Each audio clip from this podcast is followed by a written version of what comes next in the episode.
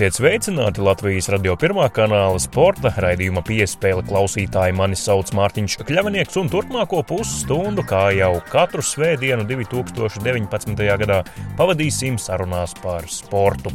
Un šoreiz dienas kārtībā sarunas par moderno piecīņu un arī par kopējo sporta finansēšanas sistēmu Latvijā.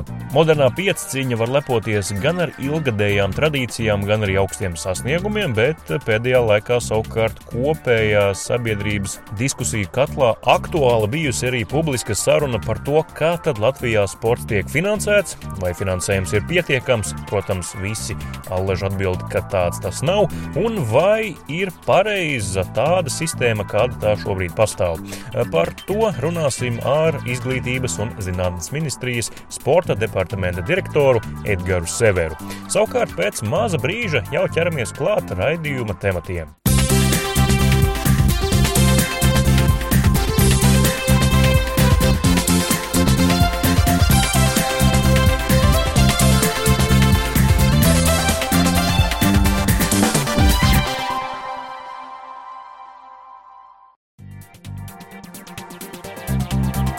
Skan sporta raidījums piespēle, studijā Mārtiņš Kļavinieks un ķeramies klāt šī raidījuma pirmajam lielajam tematam, un tās būs sarunas par moderno piecīņu Latvijā.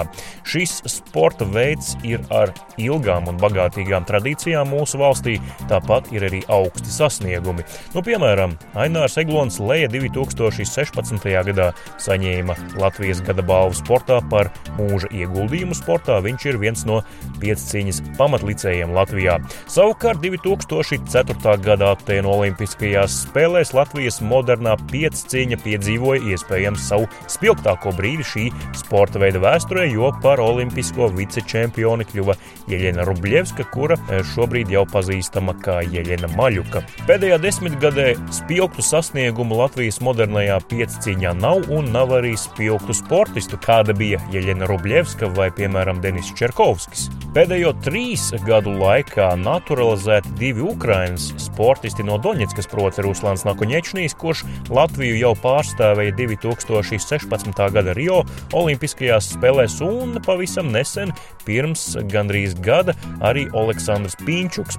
Abi viņi ir eh, no Doņetskas, kur pašlaik joprojām risinās kara darbība, un tieši tāpēc viņi izvēlējušies pārstāvēt Latviju, lai gan iepriekš bijuši arī Ukraiņas izlases pārstāvji. Šo sportistu naturalizēti naturalizēšana, jeb viņiem piešķirtā Latvijas pilsonība, raisījusi publiskas diskusijas par to, kas tad īsti šobrīd notiek Latvijas modernās pieciņas vidē un kāpēc ir tik maz konkurētspējīgu Latvijā dzimušu un augušu sportistu. To arī lūkosim noskaidrot turpmākajās raidījuma minūtēs, sarunājoties gan ar Latvijas modernās pieciņas prezidentu Jānu Liepiņu, gan arī ar pašiem sportistiem. Sāksim ar to, vaicājot Latvijas izlases sportistiem Pāvelam Ivaram Šefcovam un Ruslanam Nakoņečnijam, kāda tad ir viņu mērķi eh, nākamajā, vai precīzāk jau šajā 2019. gada sezonā, kas būs ļoti svarīga, lai kvalificētos Tokijas Olimpiskajām spēlēm 2020. gadā. Lūk, Pāvils Šefcovs un arī Ruslans Nakoņečnijs par mērķiem šajā sezonā. Pagājušajā gadā bija, var teikt, laba. Visur kuras sacensības bija iekļuvusi finālā, bet nebija kopīgā laba rezultātā. Eiropas čempionātā nostartēja labi. Mēs ar Ruslānu ieguvām trešo vietu stafetē. Tas bija gods. Stāvēt uz pedestāla, jo nostartējām ļoti labi. Viņš nepaveicas, jo bija slikti laika apstākļi. Bet varējām, mēs domājam, uzvarēt. Varbūt mēģināsim vēlreiz kaut kur citur sacensību, bet, bet es domāju, ka vairāk nestartēsim stafeti, jo sākas Olimpiskā sezona. Šogad man nomira treneris, un man samainīja treneri uz Mihailu. Tagad mēs kopīgi strādājam pie viena mērķa, tikt uz Olimpiskajām spēlēm, arī parādīt labu rezultātu. Meklējam risināt problēmas ar skriešanu, kur es domāju būs sezonā.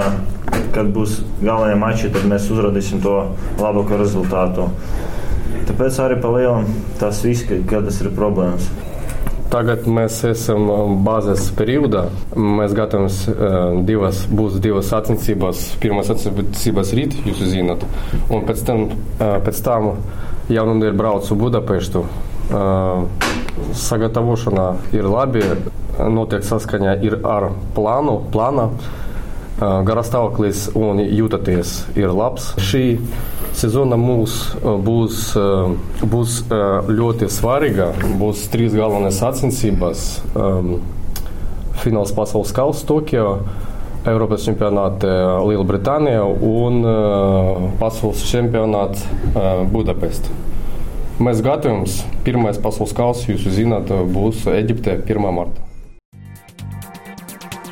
Tālūk Latvijas modernās piecīņas izlases sportisti Pāvils Šefcovs un Ruslans Nakuņečnīs par to, ko viņi paši no sevis sagaida 2019. gada sezonā, bet eh, Jānim Liepaņam, Latvijas modernās piecīņas federācijas prezidentam, jāvaicā par to, kāda tad būs olimpiskās kvalifikācijas sistēma šajā un gaidāmajā sezonā. Kā tad īsti var kvalificēties Tokijas Olimpiskajām spēlēm 2020? 2020. gadā. Kopumā kvalifikācija nav mainījusies. Divi atzari, kā veidojās kvalifikācija. Tas ir pirmais ir pēc reitinga, un otrs ir pēc licencē. Tas ir uh, Eiropas čempionātā. Pirmās astoņas vietas iegūst no Eiropas čempionāta, kad tas ir kontinentāli. Iegūst uh, no Eiropas uzreiz pat taisno licenci uz uh, Tokijas Olimpiskās spēlēm. Tā atšķirība šobrīd ir tāda, ka tikai viens, viens atlēts no vienas valsts astotniekā iegūst šo licenci. Tātad, ja gadījumā ir kādas valsts divi vai trīs, divi, trīs svītrojās ārā, un tie pāriet uz 9, 10, 11 vietu. Pirmā licence, kuras individuālā licence, kas tika izcīnīta, būs pasaules kausa fināls Tokijā. Tās uzvarētājs dabūs patiešo pirmo licenci, un pārējie sāk jau vākt punktus. Pasaules čempionāts Budapeštā pirmās trīs vietas, un nākošais gads pasaules čempionāts arī trīs vietas tiek uz Olimpiskām spēlēm. Šī ciklā bija nedaudz savādāka, kad no 36 vietām Uh, trīs vietas ir rezervētas. Ko tas nozīmē? Pirmā vieta nu, atlasās no uh, 33. Viena vieta ir rezervēta priekšmājnieka, bet mēs domājam, ka ja mājnieks tiks pat taisnot, tāpēc ka Japāņi ir ļoti augstā līmenī, vīriešu konkurencē. Līdz ar to viņa, nu, es, es, mēs domājam, mēs skatāmies, ka viņi kopā ar Koreju un, un Ķīnu tā, to galvu arī Japāns varētu tikt pa taisno. Un divas vietas ir rezervētas atbilstoši Startautiskās Olimpiskās komitejas lūgumiem, tām saucamajām mazajām valstīm, kurās sports tiek tikai attīstīts. Mazo valstu saraksts tika apstiprināts SOK izpildu komitejas sēdē, es nemaldos, pagājušā gada decembrī. Nu, viņš ir pieejams mājaslapā, bet tas attiecās uz mazām valstīm. Ja nebūs tajās mazajās valstīs pie kandidāta, tad viņi ies uz reitingu. Tā, tās ir divas vietas, kas ir rezervētas SOKam. Nu, tā ir tā kvalifikācija šobrīd. À, no katras valsts drīkst startēt tikai divi. Galē, maksimālais skaits - 3,6. Man liekas, tas pēc Mihailam jāprasa pēc pieredzes, bet man liekas, ka tas ir tāds nosacīts dāmām mazāk varbūt konkurence. Jā, jo, jo vīriešu konkurencē ir konkurence pieaugusi ļoti. Visi skrien, visi pauko. Un, kā piemēru, mēs analizējot pagājušā gada starpu, pieņemsim, Eiropas čempionātā, kur uh, Ruslāns ieguva, ieguva 11. vietu. No līdz 8. vietai bija 15 sekundes. Tas 15 punkti. Tas ir vai nu divi gāzes šķēršļi, vai divas uzvaras paukošanā, kas jau ir jau astotnieks. Runa būs ne jau vairāk par minūtēm vai pat, uh, par desmit sekundēm, bet par sekundēm jau.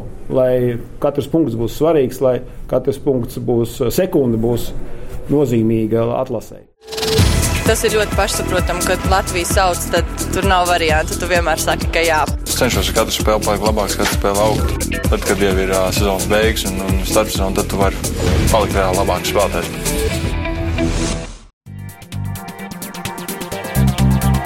Latvijas modernās pieciņas treneris ir Mihails Jefremenko, kurš pats arī ir ir no Ukrainas un uh, strādā Latvijā jau ilgus gadus. Viņš pēdējā gada laikā kļūst par vienīgo Latvijas izlases treneri, jo Pāvela Šefco treneris aizgāja mūžībā un viņu aizvieto Mihails Jefremenko. Mihails turpmākajās raidījuma minūtēs pastāstīs, kāda ir situācija Latvijas modernās piecīņas vidē, jo tā nav ideāla. Finansējums federācijai ko var atvēlēt Latvijas izlasei, nav liels. Tas nodrošina pamatvajadzības, tomēr tajā neiekļauj fizioterapeiti došanos, piemēram, uz pasaules kausa posmiem vai citām reģionālajām sacensībām. Jā, runāt par pagājušā sezonu. Es kā vecākais treneris ļoti apmierināts, kā, kā mēs nostādījām. Protams, nebija tāda rezultāta, ko gaida no mums gan Olimpiskā komiteja, gan federācija, bet tā pozitīva tendence, dinamika dod mums iespēju cīnīties par augstam vietam nākamā sezonā, jo uzlabot rezultātu atsevišķas disciplīnas šo sezonu. Jā, mēs uh, plānojam startēt kontramačus, atklātais Latvijas čempionāts. Tās būs pirmās sacensības pēc bāzes perioda. Un pēc desmit dienām mēs startēsim uh, Indoor uh, Ungārijas Open. Un pēc tam jau sākās visi pasaules kausi. Uh, kā rezultāts pasaules fināla kausa. Viņš būs 27. jūnijā Tokijā. Tieši tur būs Olimpiskas spēles, un no tā sākās Olimpiskā kvalifikācija. Mums nepietiekami nepietiekam atjaunošas līdzekļi uh, sacensības laika. Jo ar mums pasaules kausa nepiedos neviens fizioterapeits, to visu daru. Trīs sportisti ļoti grūti paspēt. Mēs izmantojam lovu medicīnu, visu, nu, bet uh, sacensības laika tikai Eiropas čempionātā un pasaules čempionātā viņi ar mums līdzi. Tur ir tā problēma. Savas problēmas pēdējā nedēļa pirms galvenajām sacensībām, tur katram ir savs pieejams, jāmeklē. Nav tik vienkārši. It kā mums viss ir, lai parādītu labu rezultātu. Jātic! Dzirdējāt Latvijas modernās piecīņas izlases galveno treneri Mihālu Jefremenko un raidījums piespēle turpinās un turpinās ar diezgan sensitīvu tematu, kā jau raidījuma sākumā minēju. Ruslans Nakoņečnīs un Aleksandrs Pinčuks vēl pavisam nesen bija Ukrainas izlases sportisti, arī Ukrainas pilsoņi, taču tagad viņiem pavisam nesen arī īpašu saimnes lēmumu piešķirta Latvijas pilsonība. Ruslans to izmantoja jau 2016 gada Rio Olimpiskajās spēlēs, kad tajās startēja, iekļūstot tur vien par mata tiesu sākumā kā rezervists un beig beigās tomēr tiekot arī pie starta sacensībās. Tās, protams, bija ugunskristības, bet tagad nākamajām Tokijas Olimpiskajām spēlēm Ruslans jau gatavojas ar pavisam citiem mērķiem. Savukārt Aleksandrs Pinčuks par Latvijas pilsoni kļuva pagājušā gada 1. februārī, tā kā vēl pat nav pagājis gads, bet viņš jau ļoti labi iemācījies Latvijas latviešu valodu, un ar viņu arī raidījuma turpinājumā mm, parunāsim. Bet vispirms gan Jānis Liepiņš, Latvijas modernās pieciņas federācijas prezidents, par šo lēmumu naturalizēt abus ukrāņu sportistus, kā viņiem soks ar latviešu valodu, cik ļoti to mācīties ir federācijas uzstādījums, un vēl arī par to, kāpēc tad tik maz Latvijā dzimušu un augušu sportistu veido konkurenci ukrāņu naturalizētajiem sportistiem. Apusēja attiecības starp federāciju un atlētu, lai integrētos latviešu vidē un Latvijā, ir jāmācās šī latviešu valoda valsts. Un, uh, tas bija jā, viens no galvenajiem uh, uzdevumiem no federācijas uzdots tā, lai pēc sporta gaitām uh, viņi varētu pilnībā integrēties jau Latvijas vid, latviešu vidē. Tas izstrādāt vai nu par savu profesiju, vai par treneriem, vai par fizioterapeitiem, vai par juristiem, vienalga. Jā, ir latviešu valoda, ir grūta valoda, atzīsim mēs paši, jā, bet uh, puiši cenšas. Nu, es mācos latviešu valodu, bet ir viena problēma. Es uh, eju veikalā, ja, nu, runāju, man lūdzu divi kilograms vistas gaļa Pārdevējs, koliko kilogramu тебе, bet slikti es maz runāju latviešu, latviešu praktiski. Ja? Bet tas ir problēma. Sadzīve. Sadzīve. Sadzīve. Tajā valstī, kur tu gribi dzīvot un kurā tu dzīvo, jāprot, ir nacionālā valoda. Jautājums Liepiņa kungam esošā finansējuma ietvaros, ko var vai varbūt ko federācija jau dara, lai aktīvāk pieaugušo izlasē ienāktu Latvijā dzimuši un auguši sportisti? Mēs to darām. Mēs to darām individuāli ar katru no atlētiem, jo ir pierādīts mūsu sporta veidā, kad grupas, futbols vai hokeja, vai sporta spēles vai kā citi, tas ne, nedarbojās mūsu sporta veidā. Mūsu mērķis ir sadarboties, ir trīspusējs. Bērns, tātad atlēts, vecāki un federācija. Šis trīs stūris nu, Latvijā ir pierādījis, ka ir spējīgs. Es varu nominēt uh, daudzas ģimenes, sāksim ar dukuriem, redlihiem, porziņģiem un uh, visām tām ģimenēm. Jūs redzat, kā aug viņu un kā var izaugt, cik augstu var izaugt šie bērni. Arī es atvainojos, ka nepieminēju, vēl tur ģimenes ir.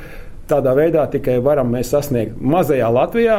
Nu, visaugstākos rezultātus. Mēs kopā ar šīm ģimenēm sēžamies, runājam, šīs mūsu ietvaros atbalstam sacensības.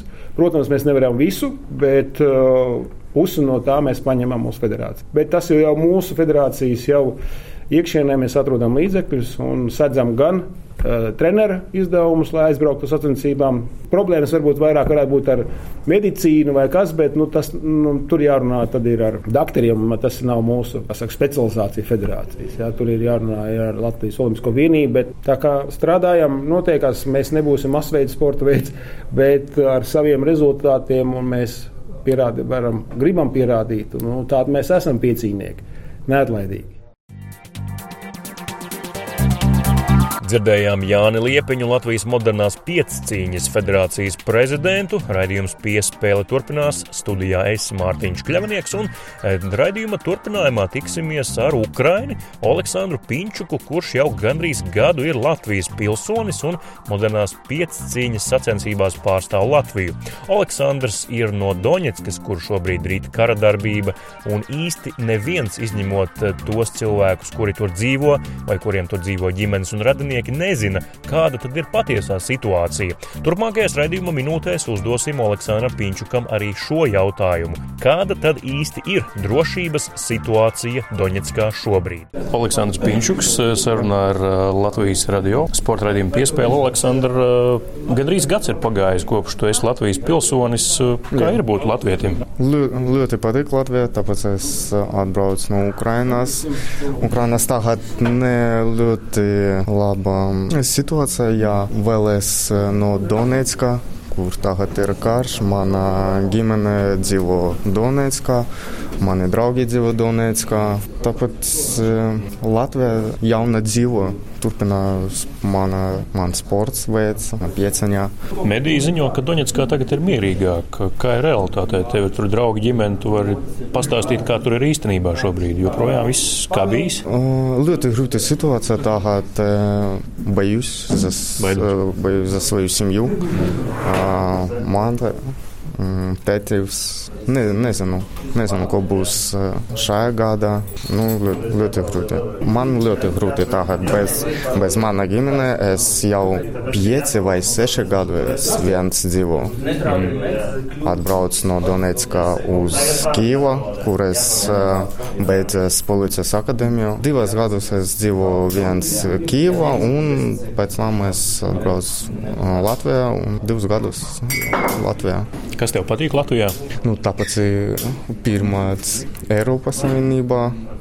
Latvija ļoti demokratiska valsts. Man patīk, ka neatkarīgam ir laba komanda, prezidents Janis Lepiņš, federācija palīdz man. Es varu pārstāvēt Latviju, bet visiem draugiem, katru dzīvo Donetskā, nepatīk šī. Tas ir mana dzīve. Tu ļoti labi runā latviski. Cik grūti ir latviešu valoda? Nu, salīdzinājumā ar Ukraiņu, Krievu, piemēram. Ļoti grūti. Es zinu Ukraiņu, Krievu, bet latviski, latviešu valodu ļoti grūti mācīties ar skolotāju. Man ir draudzeņa, viņa ļoti palīdz man. Jau ir draugi, Latvi, latvieši draugi. Viņi arī palīdz man strādāt.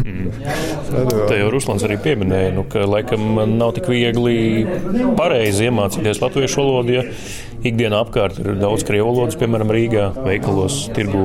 Jā, ve veikalu tirgu es, es tikai latviešu valodu, tāpēc es varu zināt latviešu valodu, tāpēc es dzīvoju Latvijā, es gribu sapratu, ko notiks. Ar Ruslām, ar Pāvēlām mēs runājam krieviski valodu, bet es Pāvils palīdz man arī ar latviešu valodu. Ko tu vēlējies sasniegt ar modernās piecīņas uh, komandu vai individuāli? Kopumā esot Latvijas pilsonis, Olimpiskās spēles, kas ir tavs mērķis? Uh, jā, Olimpiskās spēlēm. Galvenais sacensībās būs vasarā, uh, kur nāca Lielbritānijā. Uh, pirmā 15 vietas var dot licenciju. Tokio 2020 pasaules čempionāts arī pirmā trīs vietas. Labi, Aleksandr, paldies par šo interviju. Tad, lai izdodas viss, ko tu esi iecerējis ar Latvijas komandu. Jā, paldies. Lielas paldies. Maratonā, kad tu skrieni distances laikā, ja kāds tev uzmundrina un nosauc tavu vārdu, tu to dzirdi. Pirmā uzvara bija tad, kad es biju pionieru nometnē. Tas bija 66. gadā, es vinnēju bumbiņu mešanu. Sporta raidījums piespēle Latvijas radio pirmajā kanālā turpinās. Mani sauc Mārtiņš Kļavinieks un ķeramies klāt raidījuma pēdējai daļai, kurā runāsim par sporta finansēšanu Latvijā. Diezgan sāpīgs temats daudziem sporta vidas pārstāvjiem, jo allaž publiski tiek izteikts viedoklis, ka Naudas sportā Latvijā ir par maz. Skaidrs, ka visiem naudas nepietiek, tomēr ir arī pietiekami pārtikuši sporta veidi, kurus valsts finansē dāsni. Tas, protams, atkarīgs no startautiskajiem rezultātiem, eh, kurus uzrādot augstvērtīgus, var arī tikt pie lielāka valsts finansējuma kumosa. Turpinājumā saruna ar Latvijas izglītības un zinātnes ministrijas sporta departamenta direktoru Edgars Severu par to, kāda šobrīd ir Latvijas sporta finansēšanas sistēma un kā to vajadzētu mainīt. Bet mūsu sarunu gan mēs sākām ar pavisam citu tematu. Šobrīd valstī nav ne valdības, ne arī budžeta. Visas darbības regulē tehniskais budžets, un līdz ar to tas nedaudz apgrūtina dzīvi arī sporta nozarei. Pavisam nesen piešķirta akūti nepieciešamā nauda, proti, piekdaļa miljons Latvijas Basketbola Savienībai, lai varētu sarīkot pēc jāņem gaidāmo Eiropas čempionātu basketbolā sievietēm Rīgā, un tieši par to, par šo čempionātu arī sākām sarunu ar Edgars Severu ja par piešķīrumu basketbola savienībai tieši Eiropas čempionātam, sievietēm, fināla turnīram, kas daļai arī Rīgā norisināsies vasarā. Šo finansējumu viņi tekošo maksājumu ir saņēmuši vai saņēmis precīzāk, tas ir piešķirts. Bet uh, ģenerālsekretārs Edgars Šnets bija nobežījies, ka nav izveidota padome, lai apspriestu šos akūtos jautājumus. Mm -hmm. Jā, nu kas skata basketbola čempionātu, lai arī klausītājiem būtu papildus informācija, tad papildus tā, basketbola čempionātu čempionāta rīkošanai daļējas finansējums tika piešķirts jau, jau pagājušajā gadā. Tiem maksājumiem, kas bija FIBA jāveic, bija jau trīs maksājumi veikti. Šī gada martā maksājums ir ļoti ietilpīgs - 210 tūkstoši eiro. Un tā kā nav vēl prognozējams, būs valsts budžets, pamata budžets kopējais process līdz martam, šīs summas būs vai nebūs. Tāpēc mēs no 242 tūkstošiem, ko mēs šobrīd varējām lielais pat pasākumu sadalīt, 210 tūkstoši ir piešķirti Latvijas basketbola senībai. Kopējais pieprasījums vēl ir palicis nepilni 400 tūkstoši, aptuveni 350 tūkstoši eiro, vēl, ko vēl basketbola senība papildus tai summai, kas piešķirta pagājušajā gadā un arī ar, ar šo summu. Tā skaitā, kas papildus vēl ir nepieciešams, kas skar rīcības komiteju, tad mēs vēstuli saņēmām, es nemaldos, nepilnu mēnesi atpakaļ. Mūsuprāt, nav liederīgi apstiprināt rīcības komiteju, jeb rīcības komiteju sastāvā, kas pēc salīdzinoši neilga laika ir attiecīgi jāmaina. Ja, protams, šis valdības tehniskais process turpinātos un būtu, nebūtu skaidru ziņu, kad šī cerība mums izveidot valdību būtu, tad attiecīgi mēs vērtējam šos apsvērumus, iespējams, tad attiecīgi virzītos mazliet rosināt arī, arī pagaidu valdības procesā šo, šo rīcības komiteju veidot, bet šajā gadījumā Basketbola arī par to ir informēta. Arī Šnetkungam esmu arī teicis, ka nav tā, ka šī vēstule kaut kur nolikt plauktā vai kā savādāk.